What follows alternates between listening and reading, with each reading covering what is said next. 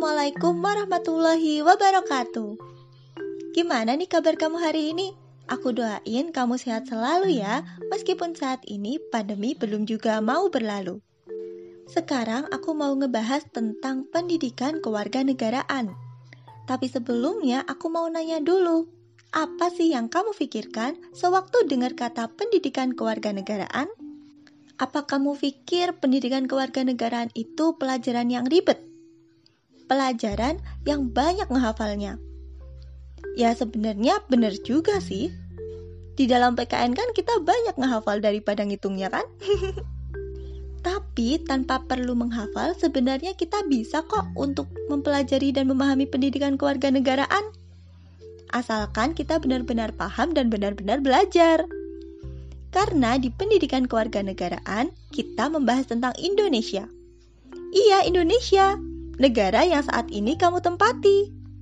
Coba ingat-ingat, di pendidikan kewarganegaraan kita akan diajarkan tentang Indonesia dan berbagai unsur-unsur di dalamnya. Seperti masyarakatnya, hukumnya, undang-undangnya, pemerintahannya, adat istiadatnya, dan berbagai macam hal lain yang ada di dalam Indonesia. Maka dari itu, seorang sarjana atau profesional pun akan tetap mempelajari pendidikan kewarganegaraan karena pendidikan kewarganegaraan adalah ilmu yang penting untuk bisa menumbuhkan rasa cinta tanah air dan nasionalisme. Ketika sudah memiliki rasa cinta tanah air dan nasionalisme, maka kita akan lebih ikhlas untuk memberikan kontribusi, ya nggak sih? Tapi, apa sih sebenarnya yang bisa dilakukan oleh kita sebagai orang yang belum sarjana maupun belum profesional untuk bisa berkontribusi demi Indonesia? Tenang aja, ada banyak banget caranya. Salah satunya yaitu dengan menghargai perbedaan dan melaksanakan norma-norma yang ada.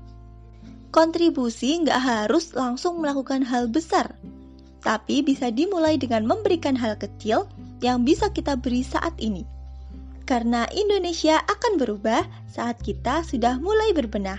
Jadi, yuk berkontribusi. Salam kontribusi, salam perjuangan. Wassalamualaikum warahmatullahi wabarakatuh. Dadah.